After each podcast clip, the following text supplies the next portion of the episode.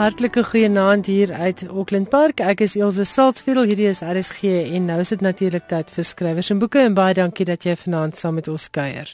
In vanaand se program gaan jy hopelik 'n hele klompie name kan kry vir jou leeslys.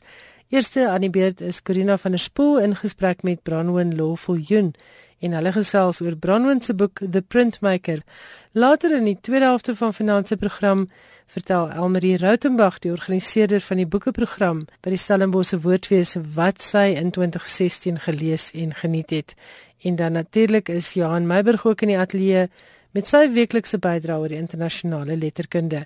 Ek hoop jy geniet die program. Maar sonder enige verdere omhaal, hier is Corina van der Spool in gesprek met Bronwyn Lawful Jun. Nou Bronwyn is uitgewer en hoof van die kreatiewe skryfkursus by Wits Universiteit en hulle gesels oor haar eerste roman The Printmaker wat onlangs by Umutsi verskyn het. Die roman wat afspeel in Johannesburg is losweg gebaseer op ware gebeurtenisse en word beskryf as 'n meditasie oor die aard van kunsmaak. Die skrywer vertel meer oor die tegnieke wat sy gebruik het om 'n oortuigende storie te bou. Ek hoop jy geniet hierdie gesprek. Bronwyn, this is your first novel, but not the first book you've written. Your work has always been concerned with writing on art. Can you tell a little more about your, the field that you've been working in? I've not written a full length book on, on art, but I've written a lot of essays on South African art and photography um, over the last several years and published those in places like Art South Africa, um, in Aperture Magazine, which is an American magazine. I've written for them on South African photography.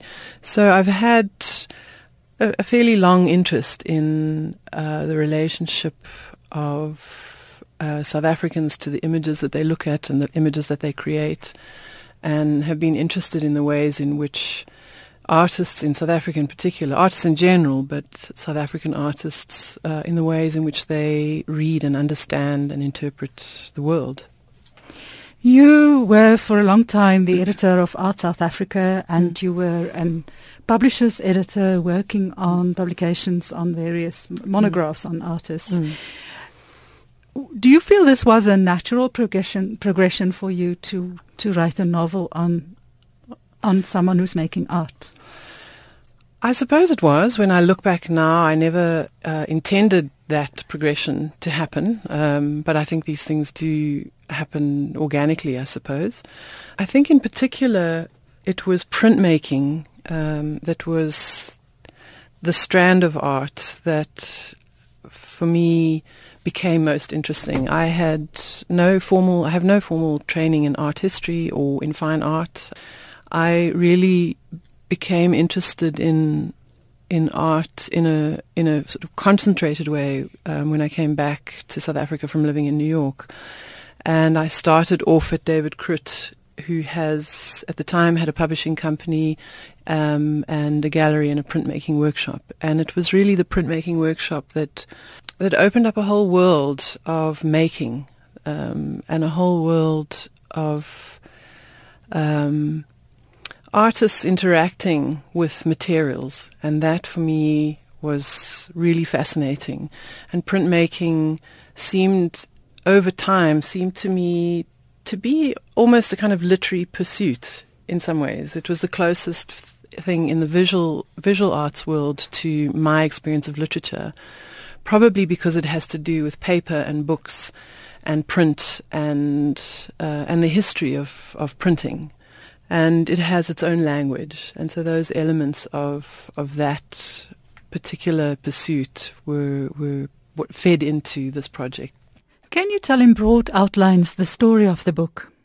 It's a very simple story in a lot of ways, although complicated, um, psychologically complicated, I suppose. Um, it's really, it's really a story about an artist, a South African artist, he lives alone in a house in Johannesburg and he is a printmaker and he makes thousands of images that very very few of which see the world. They he gives them away to to friends. Uh, he never has exhibitions. Um, and he has, um, when the novel opens, he's actually died. So there's there's several time frames in the novel, and the character, who's very loosely based on a real person, was interesting to me because most of his world was internal. Um, or it was caught up in the making of, of images. And what fascinated me about this character was his ability to continue to generate images without necessarily having an audience for those images or having a very circumscribed audience. Um, and it was that aspect of his life that that interested me. Um, and as an extension of that, it's his tendency, which I think is a tendency that all artists have. In fact, it's a human impulse, but it expresses itself in a particular way with artists to do things over and over again, to repeat things. So this man makes images. They don't go out into the world in any significant way, and the story of his life is really told through the other people around him, a small group of three people. Um, so the character is really created through his own internal monologue and through the the remembrances of other people. You write that the book comes from an encounter with the work and life of a real artist, a mm. biographically true mm. artist, mm. which I believe is Marcus Glaser. Mm. How mm. did that come about? It came about in a stra- by a strange series of circumstances and coincidences. His work, I, I didn't know him, and in fact, by the time I encountered his work, he he was dead. He died just uh, a little time before I first encountered his images. And they were brought to me by somebody I didn't know who was trying to figure out what to do with this work that had been left to her. His life was a very uneventful life apart from it, it, the events of the life were really the, the work, the making of images. So it was rich in that in, in, in that regard, but it was not a very eventful life. Um, and he was almost a recluse, um, or at least he lived a very private, a very private life. He's probably there are probably many people like him, many artists like him in South Africa who create work. Um, and for whatever reason, because it's not politically fashionable, because it's um, because they have no way of marketing their own work, which is a very important part of what artists have to do, because a gallery never never showed any interest in the work. It remains, it all remains in this house. And um, so the work came to me by through the person to whom he'd left it, and she went back to Australia, and then it sat with me for was your task years. to archive the work as an as an yeah. art as a curator. Yes, I I offered to do this work. Um, and you'll you'll see in the novel that there is a character who does a similar who who's in who's in a similar predicament who has to do something with this this this huge body of work by someone nobody knows about. I was left with this work and and for about 6 years it sort of gathered dust in my house and it was archived towards the end of that period of time and it it it weighed on me. It was a it was a sort of in a way it was a gift, but it was also a terrible responsibility to have in your possession the work of the life's work of somebody. It's an odd kind of thing to have to deal with. Yeah. We're always convinced that it's work that is worthwhile, that is worth being shown in galleries. You know, the interesting thing about this work was that we eventually did show the work, uh, and and and there was there was some interest in it. There was some interest in the story of the work, um, and Glazer was a very he was a very accomplished draftsman. He he made very strange and interesting work. Um, I know I understand why he was never able to exhibit it, and it's not it's not the kind of work that at this particular point in the history of South African art that's going to have much traction in the world. But you know the the the the things that govern art in the world are varied and they have to do with fashion, they have to do with economics, they have to do with the art market, the international market, the local market, the relationship of South African artists to the rest of the world. Um, so it's a it's a fickle world, a very difficult world to inhabit. Uh, particularly if you're somebody like Marcus Glaser, if you by nature a private, um, internal person, it's a very difficult world to have to negotiate. So you did the task that was given to you, you archived and you made sure there's an exhibition, but mm-hmm. why did you decide to make this into a novel? Because it because it posed so many questions that interested me. Writing the novel was a way to try to understand something about the making of art, I suppose. Because I don't make visual art, um, I'm interested in the impulse to make images. I'm interested in the repetition impulse that artists share with each other. And in particular, I'm interested in an artist who would make images without any recognition of those images. That to me, because it seems to me that the art world is so obsessed with the reception of the work. And here you have a person who seems to have to make images. So it raised a range of questions about this process that that led to me writing about it.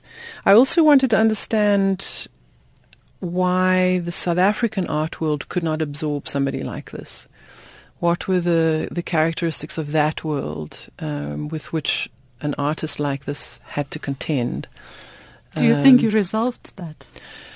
I don't think so. I think I probably understood a few things about making through thinking about them and writing about them and trying to get inside the head of somebody who imaginatively get inside the head of someone who was going through that process.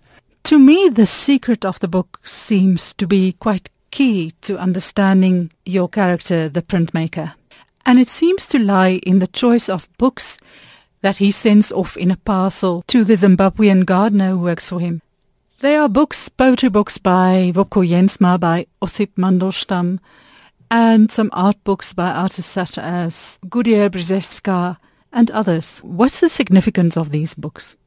took a lot of those cues from the library of the artist um, that I eventually acquired. I acquired many of the books in his library. He had a very extensive art library, and he collected, he wrote and collected poetry books, wrote poetry and collected poetry books. A lot of his, a lot of the character, a lot of March, the character's name is March. A lot of his meditations on images are on images that he is unable to make, but that fascinate him nonetheless. He is a figurative artist himself, but he is is deeply influenced by surrealism. So I think the modernist period, and, and this would, would this would have been the period in which he'd had his training as an art student. So he's interested in Max Ernst and makes pictures that look like Max Ernst. Um, I suppose he's drawn to you know somebody like Mandelstam. I imagined the kind of the the sort of the darkness of that poetry, the internal struggle of that poetry would have been interesting to um, not only to the real life person upon whom my character is based, but in my mind, this character is someone who has conversations with artists and writers who who see the world in, in a way, in some ways, that are sympathetic to, to his own way of seeing the world. Jensma is an odd insertion. Jensma sort of makes uh, has a small cameo in the novel, par- partly because he's so unlike my artist, the, the, my character. Um, he's someone my character immediately admires for his innovations with language and with images. Um, and it's it's it's those innovations that he himself is always trying to reach for and always trying to understand. But by nature, he's I would say a fairly conservative artist. He's conservative in terms of his his ability to produce images in the world. But he recognizes that, and he recognizes uh, what other artists are able to do that he can't do. You draw in characters and tell the story through different perspectives. Mm. How does a writer decide what perspective and how to tell a story of someone mm. who isn't there anymore to tell his mm. own story? Much the same way that the story of of the real life artist came to me. That character began to take shape through what people said about the character, and you soon realize that it depends on who you talk to as to what perspective you get. So. Um, from one person, I remember somebody saying to me, "Oh, he, but he was a very strange person," you know, as if he was sort of strange in a not very pleasant way. And another was interested in his in in the oddness of his poetry. Um, and the main the main interlocutor, the character who knows him the best, was his friend, a lifelong friend. So she loved him. So love gives you a certain perspective. She admired his work. She um, thought that he was neurotic but interesting, and so her fondness for him um, dominates her narrative.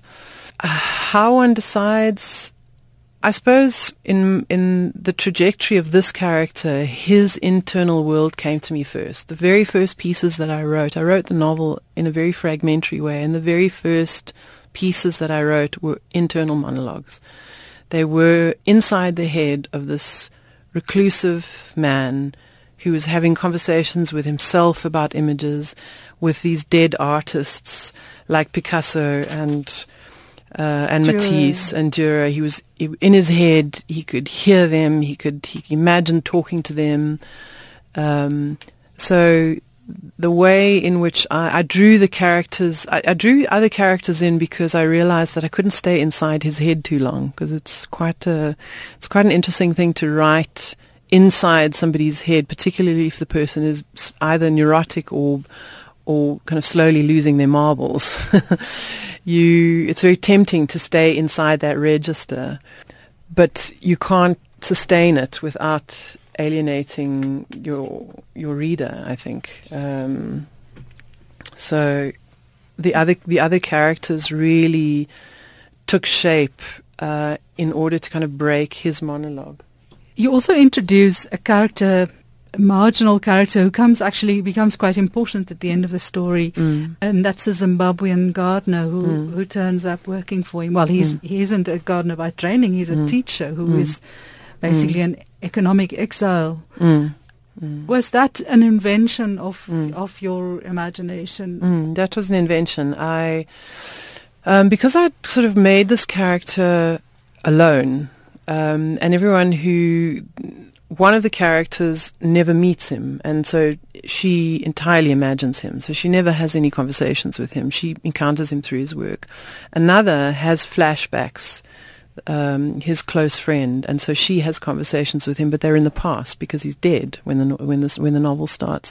So I wanted to have somebody who was close to him in ways that nobody else was, and who entered his world from a completely different position in the world, and so Stephen, the gardener, who has left Zimbabwe because he can't work any longer, he's not being paid, comes to South Africa and uh, ends up completely by chance working in March's garden, and they they strike up a very unlikely friendship because they're interested in books and they're interested. They have they have very little in common. Um, in comparison, March is a is a privileged middle class white man in his seventies.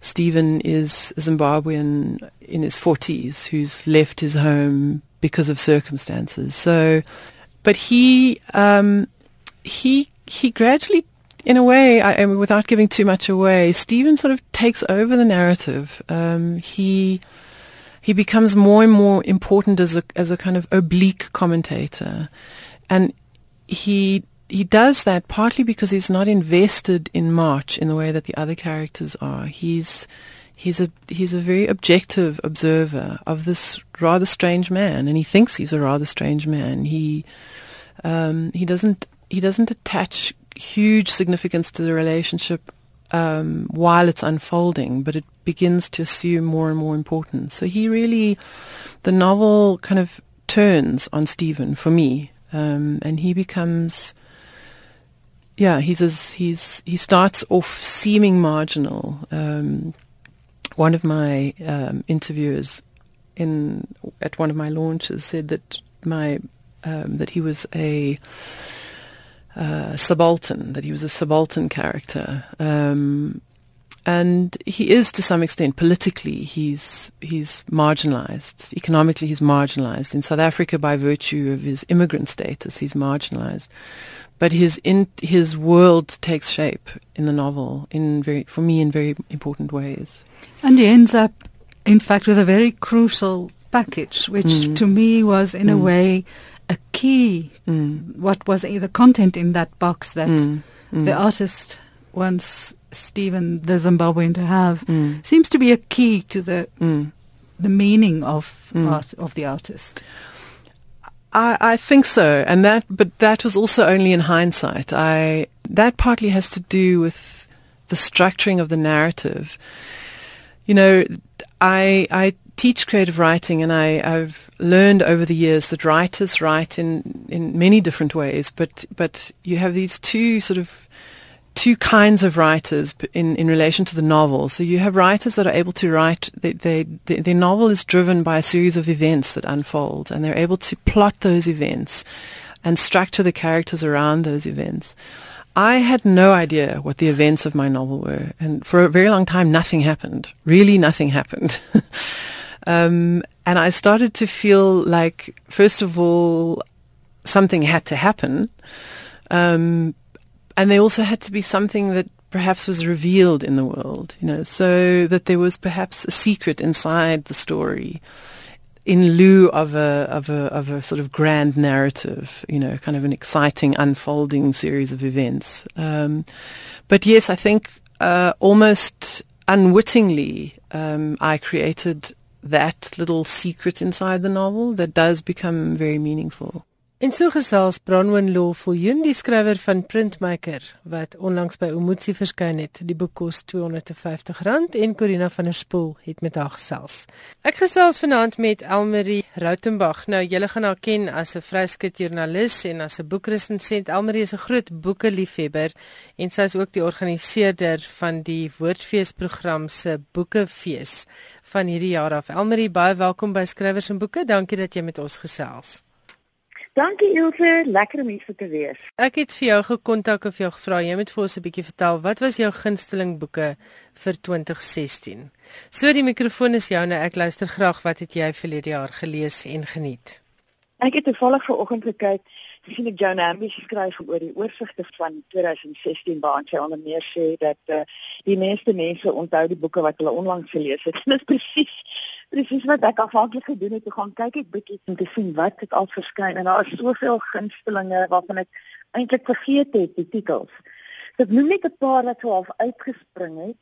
Ja. Net aan die begin van die jaar was ek absoluut omgebou deur Annelie Groenewald se skaalmodel daar was 'n vrolikheid in die boek wat nogal vir my aan die hart gegryp het ondanks die redelike treurige storie. Toe ek nou kyk na my lys, maar daar's 'n paar vroue skrywers wat so half hier van die linkerkant af gekom het. En Annelie was so iemand en dan was sy Hester Kreur met haar een nag en 'n bietjie wat werklik 'n ongelooflike boek is wat 'n mens eintlik iets anders laat verwag want jy sien op die voorblad dit gaan oor 'n plaasaanval. Maar soos hy Esther ook gesê het in in die titel sê dit ook dis een nag en 'n bietjie. Dit gaan oor 'n aanval op hulle, maar dan gaan dit ook oor die bietjie hoe verwerk jy so iets? En dit sy ook self sê dit was nie eintlik 'n aanval nie. Dit was 'n inbraak, maar dit was traumaties wat sy en haar man was aangehou vir die hele nag. Hulle is uitgevat uit die huis, hulle is geslaan, hulle is geskop. Hulle is in die donker nag met hulle eie bakkie die weet hollerste boller weet langs 'n plaas, weet 'n bergpas gejaag om te gaan geld trek, nie geweet of hulle gaan gaan doodgaan of lewe nie. Sy is in 'n stadium van haar man geskei en in die veld gevat met hierdie een man natuurlik weet verkrachtingsgespook kom op. Ja. En dan dan is dit in die eerste plek wat gebeur daai nag amper hierdie wonderbaarlike goed wat gebeur. Ek gaan nou net so 'n bietjie stil staan by hierdie boek.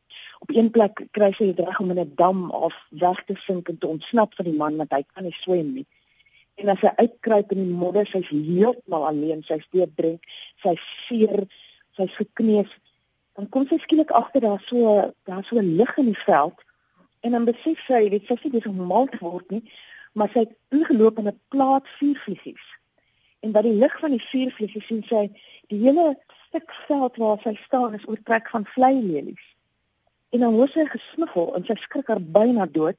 Jy kan dink hoe weet jy die adrenalien pomp en dan besef sy dis 'n groep bokke wat staan en haar amper omring en haar beskerm soos hierdie man haar soek.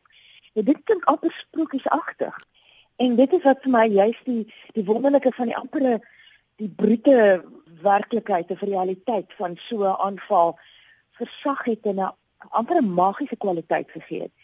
En dan kom sy weer terug na die werklikheid wanneer die tweede helfte van die boek begin en dit is die ene bietjie hoe hanteer jy dit? Hoe verwerk jy dit? Sy en haar man wat verskriklik lief is vir mekaar, hulle kinders is al uit die huis uit, maar hulle hulle groei uit mekaar uit omdat haar man verwerk dit op 'n ander manier. Maar daarmee saam ook hierdie herinneringe aan 'n plaas kleintyd en die swart mense met wie sy groot geword het. En sy begin skielik opnuut na hulle kyk en sy wonder maar wat het van hulle drome geword? Het dit uitgedraai het het hulle lewens uitgedraai soos hierdie mense wat in my huis ingekom het. En sy begin ou seere amper revisit as ek sou kan sê. O, dit is 'n lieflike boek. Dit is regtig 'n lieflike boek.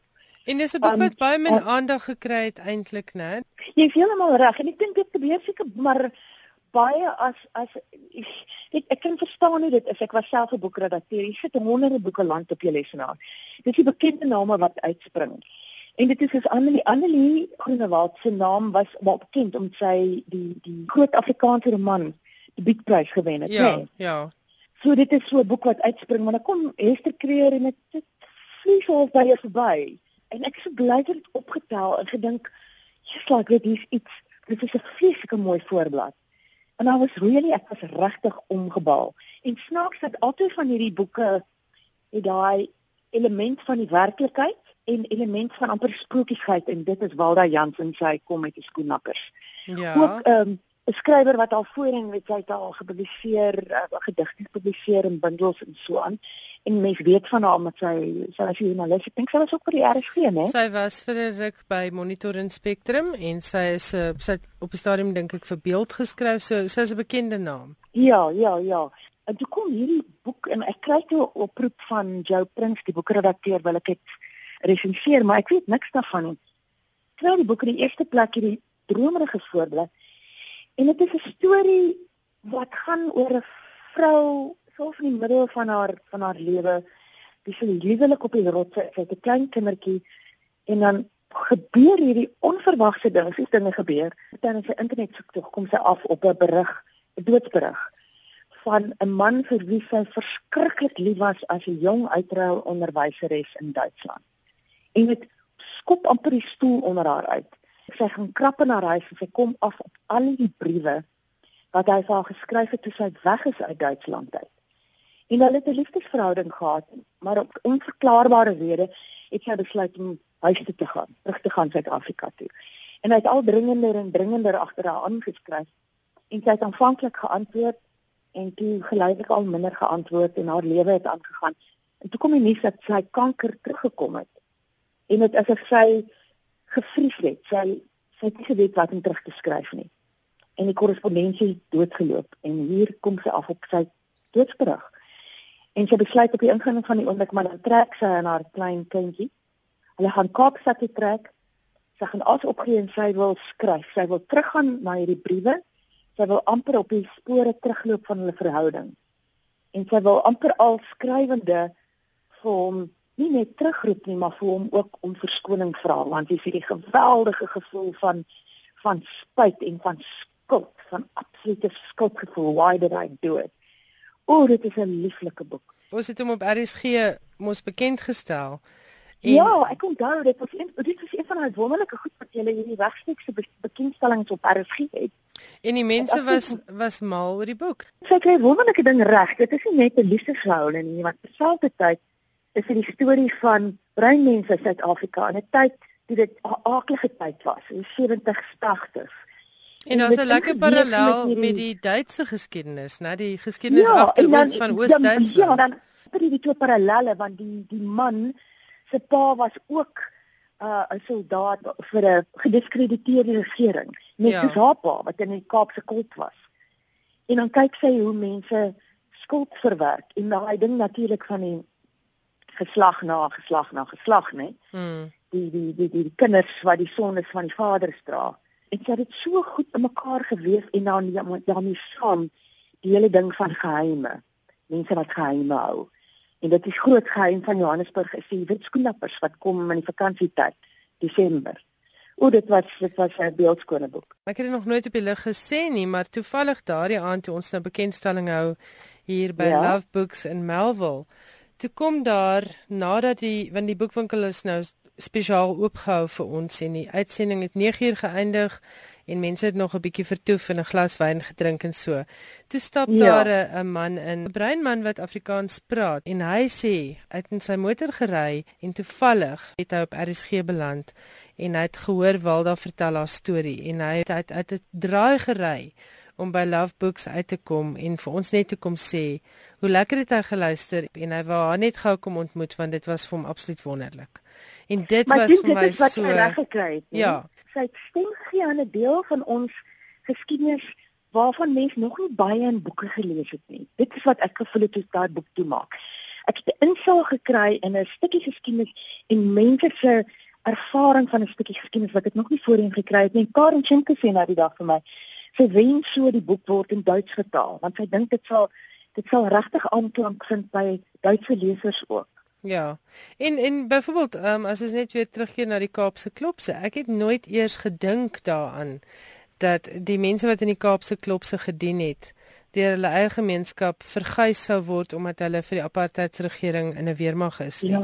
Dit het ja. it never crossed my mind, soos die Engelse ja. sal sê, want ons lewe Ja, dit is. Ons lewe nog steeds in in sulke aparte enklaves waar ons nie eintlik dink oor wat die mense om ons beleef en ja, ervaar ja, en so, hoe dit so, gebeur nie om amper help bent om net na die toekoms te kyk dat ons asseblief tog nou net nie verder aangaan oor die verlede maar dit is met ons daar's daai wonderlike toneel in die boek van haar pa by so 'n militêre uh, wat sal ek sê optog of 'n ding en hy weet hoe daar kom by hom verby en wil hom aanvanklik so half ignoreer as 'n bruin man en dan skielik sien hy sy rangteken en dan spring hy weer op aandag ja daar's daar's iets so seer in daai beeld gewees jou vierde boek ek gaan drie vinnig bymekaar sit. Ek het nou vir vakansie uiteindelik uitgekom. Ek het twee twee gelees. Rudy van Rensburg se Piranha en ek is ja. 'n groot aanhanger van Rudy. En dan uiteindelik Koors van Dion Meyer. Dit het die klaar en ek so reg aan reg gelees. Ek dink ek Rudy se boeke is vir my rof onbeskof ou Cassie, jy weet. Ek's mal oor Cassie met die rooi windbreaker en die cream soda en die En sy arme bevelvoerder wat regtig vir hom weet eintlik en later sê Cassie, kan jy nie maar meer color coordinate? ja. Sy gebrek en iets anders om te vra. Maar dit daar is so 'n uh, joie de vivre in sy boeke. Daar is so 'n lewenslus, daar is so 'n vreugde, daar is soveel humor en 'n lekker dikwels 'n lekker pas. En goed nagevors, né, Elmarie. Daar's nie 'n enkele feit daarin wat 'n mens wil betwis nie. Ek het soveel agtergrond byvoorbeeld gekry. Ek dink dit was die eerste boek was um oor die oliesmokkelry in Nigerië in die olievelde. Ja. En die, ek het nie eintlik van geweet nie. Nee, en toe was daar daai fantastiese boek waarin hy kunsvervalsing as as 'n misdaad gebruik het, waar ek weer ja, eens 'n ja. klomp goed geleer het. So Rudy se navorsing is regtig fantasties en hy verweef dit met heerlike intriges. Ja, dis die dis die joernaliste. En en ek uh, Dion was mos ook by die Volksblad soos wat Rudy was. So ja, miskien is daar ja. iets in Bloemfontein se water wat vir ons goeie is. Ja, in Bloemfontein se water. want iets met Rudy wat ook vir my natuurlik interessant was dit het dit het nou voorheen gebeur. Ek dink dit was Icarus geweest met Dion waar die waarheid hom ingehaal het met die die webwerf wat klein wat mense wat hulle skelmpie soort van ja ja. moet die webwerf toe mos nou aan die kaak gestel is en gehack is en al. En hier gebeur presies dieselfde met Rudy waar hy um, 'n um, man wat 'n uh, veldwagter is wat deel is van die Noster stroper taakspan wat toe ontmasker word as een van die stroopers en dit wat weet misblaaie aan die gang gehou het so 'n maand of wat of 3 gelede. Ja. So dit, ja. Dit, dit, dit pas absoluut by wat jy sê van navorsing. So dit was my groot vreugde en dan natuurlik koers. Ek het half uitgehou eh, sulke toekomsgoed is nie heeltemal my ding nie. Ook nie myne nie. As jy daarom begin met daai boek en weet jy die alles oorheersende indruk wat ek gehad het toe ek koers toegemaak is wat 'n elegante boek. En dit is waar dit vir my anders is as die ons ander boeke. Dit is 'n ekonomie van skryfwyse maar ook 'n fynheid. Dat hy gebruik sy taal soos 'n jong leer ballegool. Dis fyn, dis ekonomies, dis Afrikaans en murgenbeen. Maar dis dis elegant. Dis 'n fantastiese Afrikaans. En daarmee saam dan hierdie ongelooflike storie weer eens soos jy sê navorsing maar om dit weet mense nou al van van Dion maar hy hy skep 'n wêreld wat soos die Truman Show is jy weet dit is mm. so onder 'n groot glaskoepel waar jy instap en jy sien dit, jy loop deur die strate, jy saam met die mense. My man lees op die oomblik die boek. Ons sien hom nie. Hy draf nie. Hy wil nie eet nie. Hy wil nie slaap nie. So dis eintlik baie sleg. Hy op die een sy en dan op die ander sy. Hy lees koop. Dis baie sleg vir mense se gesondheid. Dis nou wat jy sê want mense raak heeltemal begoogel met die boek. Wat wie wat bly vir my by van die boek is die begin. Hy sets the scene. Daar's 'n atmosfeer wat onmiddellik geskep word binne die eerste 3 bladsye. Onmiddellik. En dan is dit fly, dis mos die vlieënier. Fly se stukke waar hy so half met homself praat en so half um, hierdie wêreld vir ons beskryf uit hierdie eensame enkele vliegtuig wat in die land oorgebly het. Dit en dan is daar 'n toneel, daar toneel waar hulle die klein seentjie vind waar um klein okkie. Dit is my okkie beskryf. Onvergeetlike tonele uit daardie boek en ek het daardie boek het ja. ek bekend gestel in Augustus ook hier op RSG tydens 'n regstreekse uitsending en ek lees al die boeke wat ek oor praat in die program en ek lees vir my eie werk maar daar is hierdie tonele spring so half op in my geheue as ek terugdink aan boeke vir 2016. Ja, die ander ding ook net van van deel die hy skep nie net 'n wêreld nie, hy skep soveel verskillende persoonlikhede en dan soos jy sê, dan kry hy elkeen se stem. En met hierdie boek was dit so van weet jy begin met twee mense, die pa en die seun en dan so 'n elke keer dan kom nog 'n stem by en dan daai wonderlike skrywerstrik wat hy gehad het met die geskiedskrywing. Ja. Elkeen kry 'n kans om legitiem sy storie in sy eie stem te vertaal, vertel omdat dit opgeneem is. Hulle het dit nie geskryf nie. Mm, mm. So jy die Engels, jy die mixtaal, jy jy elkeen se se stem wat bykom en dit word dis is 'n koor wat al meer aanswel en al sterker en al sterker word. Mm. En daarmee saam hierdie hierdie klein wêreld wat geleidelik begin uitwaier, weet dan kom die volgende die Richmond goed kom by nog verder en uiteindelik waier dit ook tot onder in die Kaap. Dit is dis regtig dit was 'n kragtuur. Ek dink Deborah Steiner het dit 'n kragtuur genoem. En dit is nie 'n woord wat mense sommer net wil gebruik net so klise. Ja, ja. Weer eens was daar vir my, ek dink wat uitkom is die absolute plesier van die skrywer. Ja. So maar dit was nou my plaaslike boeke, maar heel laaste wil ek net vinnig sê. Ek het ek het min Engels gelees hierdie jaar. Maar daar is 'n skrywer, ek wil amper so ver te gaan om te sê sy het, het my lewe verander en dit ja. Helene Ferrante. Jy het verlede week iewers in 'n publikasie geskryf oor die hele ding rondom haar ware identiteit. Ehm um, Jan Meiberg het ook ja, want ja. sy sê Helene Ferrante is nie haar naam nie. Ja, Jan Meiberg het dit so rukkie gelede hier op skrywers en boeke 'n stukkie daaroor gesels en dis vir my verskriklik fascinerend. Dis nie iets wat sy sommer nou onlangs gedoen, sy skryf nou al jare. Darryl Bristow Bowie het wonderlik geskryf. Het gesê dis nie as sy 'n surprise anonieme verskyning maak by 'n YouTube konsert of met 'n balaklawe opdaag by 'n by 'n bekendstelling, jy weet op, op hierdie manier half, mm, weet sy wil net Sy het net so gekies. Sy wil skryfwerk een kant sit van ja. haar huislike of haar persoonlike lewe. Ja. Ek het haar raak gelees toe ek Days of Abandonment gelees het. Dit my ehm um, dokter het my aanbeveel dat ek dit lees. 'n Vrou wie se man haar verlaat. Dit was so 'n rou boek geweest. Ehm um, en ek het onthou En toe so 'n uh, jaar gelede toe um, sê my dogter vir my sy op die oomblik in New York sy sy werk daar daar sy daar studeer het en sy sy skryf vir my sy sê vir my um, mamma is dis 'n boek wat jy moet lees. Dis aanbeveel deur 'n vriendin van my en ek kan dit nie meer sit nie, is my brilliant friend. Gaan oor twee vriendinnetjies mm -hmm. in Italië in die, in die fasistiese tyd 40 jaar in 40s. En ek het voors daarvan vergeet En toe het sy net daar vir my, sy sê vir my, ek wou gaan na die bekendstelling van die Engelse vertaling van die derde boek. En die mense staan toe om straathoeke. Toe dog ek nie my magtig, maar hier's iets aan die gang. Hmm. En toe begin daar hierdie buzz opkom. Toe word sy benoem vir die Man Booker International. Eerste anonieme skrywer wat benoem word. Die mense gaan absoluut mal weet wat as hy wen en so voort en ek begin so half dog laat ek die boeke aflaai op Kindle en begin lees en ek het nie opgehou lees nie. Maar dat die interessante ding is, dis hierdie twee vroue en dit gaan net oor 'n vriendskap, maar dit vertel van vroue what and all. My brilliant friend is die eerste een, wat is die tweede een se naam? The story of a new name. Ja. Dan those who leave and those who stay behind. Ja. En dan the story of the lost child. Hierdie twee vroue vandat hulle klein is, het begin die eerste boek begin in die hede. Vriendin wat kennis skryf van haar vriendin met wie sy kontak verloor het se familie of wat ook al wat sê sy het verdwyn. En dan besluit sy sy wil probeer kyk of sy haar vriendin kan kry en dan gaan sy terug na hulle na die begin van hoe hulle ontmoet het. As jy die twee klein dogtertjies, die ene is Elena Greco of Lena, so stil en kennige slim meisietjie, maar 'n goeie meisietjie. En dan hierdie ander enetjie, amper 'n vierel karaktertjie, so beenerig, maar hiper hiper slim.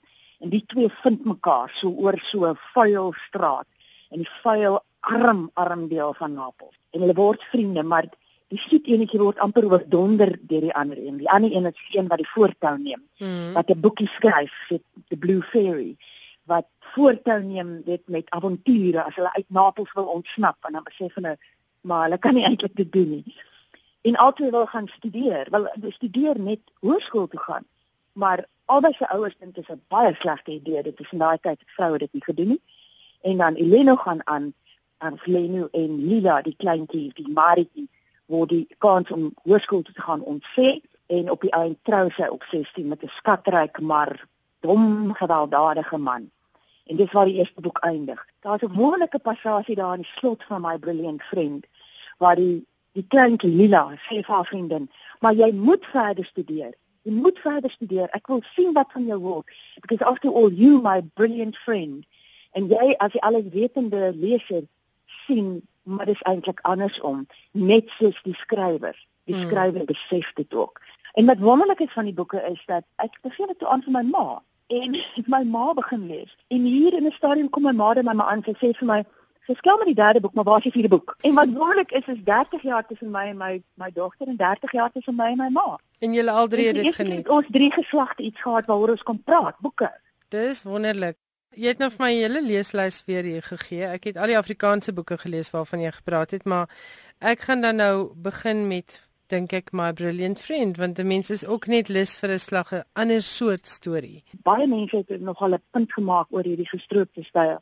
Dink as jy enigstens is 'n ma van 'n dogter of as jy net 'n vriendin is, as jy 'n vriendin is, is dit 'n wonderlike insaag en wat vir my wat vir my nogal opgeval het op Facebook toe ek nou begin navorsing doen en so baie mans uh, gereageer het op die boeke. Ek kan nie onthou wie dit was nie. Ek dink dit is Desmond Tutu maar ook is die baie wat gesê het weet as jy hierdie boeke gelees het, dan kyk jy nooit met dieselfde oë na 'n vrou nie.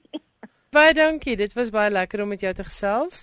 Voorspoed vir 2017 en ons sien mekaar dan nou binnekort by die uh Stellenbosch se Woordfees se boekeprogram waar jy die program samestelling doen. Ek gaan nog vreeslikheid. Ek gaan nog voor die tyd met jou daaroor ook gesels sodat ons lesers en ons luisteraars definitief die boekeprogram kan ondersteun. Fantasties. Baie baie dankie Ilse. Hoor. En die vrou met die aansteeklike boekpassie is Elmarie Rautenburg, soos ek gesê het, sy is die organiseerder van die Stellenbosse Woordfees se boekeprogram. Ek gesels binnekort met haar oor wat woordfeesgangers en boekliefhebbers op die boekprogram kan verwag. Nou is dit weer Johan Meiberg se beurt. Johan, jy het vir ons boeke om na uit te sien in 2017. 'n uh, Betoging waaraan ek persoonlik graag sou wou deelneem en 'n uh, interessante woordeboek. Ja, Oran Pamuk, Arundhati Roy, Martin Amos en Haruki Murakami is op die lys internasionale skrywers wat vanjaar nuwe boeke uitgee. Daar's enkele vertalings onder die boeke hoewel die grootste gros kraak vars is. Van Murakami verskyn 'n bundel kortverhale vertaal deur Philip Gabriel en Ted Goosen. Die bundel Men Without Women verskyn in Mei.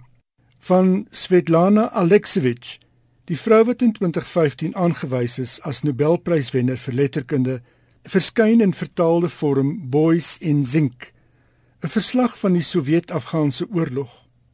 Die boek verskyn in Maart en later vanjaar verskyn ook The Unwomanly Face of War, albei uitgegee in die Penguin Classics reeks. Later van dese maand verskyn 4321, Paul Auster se eerste boek in 7 jaar. Archibald Isaac Ferguson word op 3 Maart 1947 in die Beth Israel Hospital in Newark, New Jersey gebore. Uit hierdie enkele beginpunt skep Oster vier gelyklopende en onafhanklike fiktiewe roetes. Vier Fergusons word geskep uit dieselfde genetiese materiaal. Vier seuns wat in wese dieselfde is.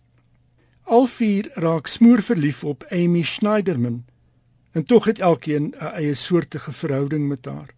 Terloops, Oster is op 3 Februarie 1947 gebore.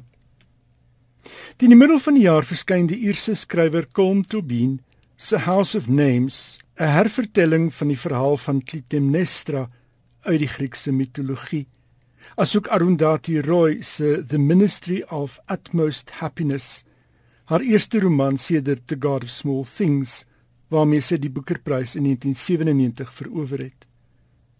En dan is daar in September 'n nuwe boek van die Ierse skrywer Paddy Doyle op die rak, Smile. Doyle het die Booker-prys in 1993 gekry vir sy Paddy Clark Ha Ha Ha, 'n boek waarin die lewe voorgestel word soos die 10-jarige Roddy die wêreld beskryf, verstaan en misverstaan. In Smile roep Doyle weer 'n kinderlewe in Dublin na vore. Orhan Pamuk, die Turkse skrywer wat in 2016 die Nobelprys vir letterkunde ontvang het, bring vanjaar The Red-Haired Woman uit. Dis die verhaal van 'n putgrawer en sy handlanger wat na water soek op 'n stuk bar grond.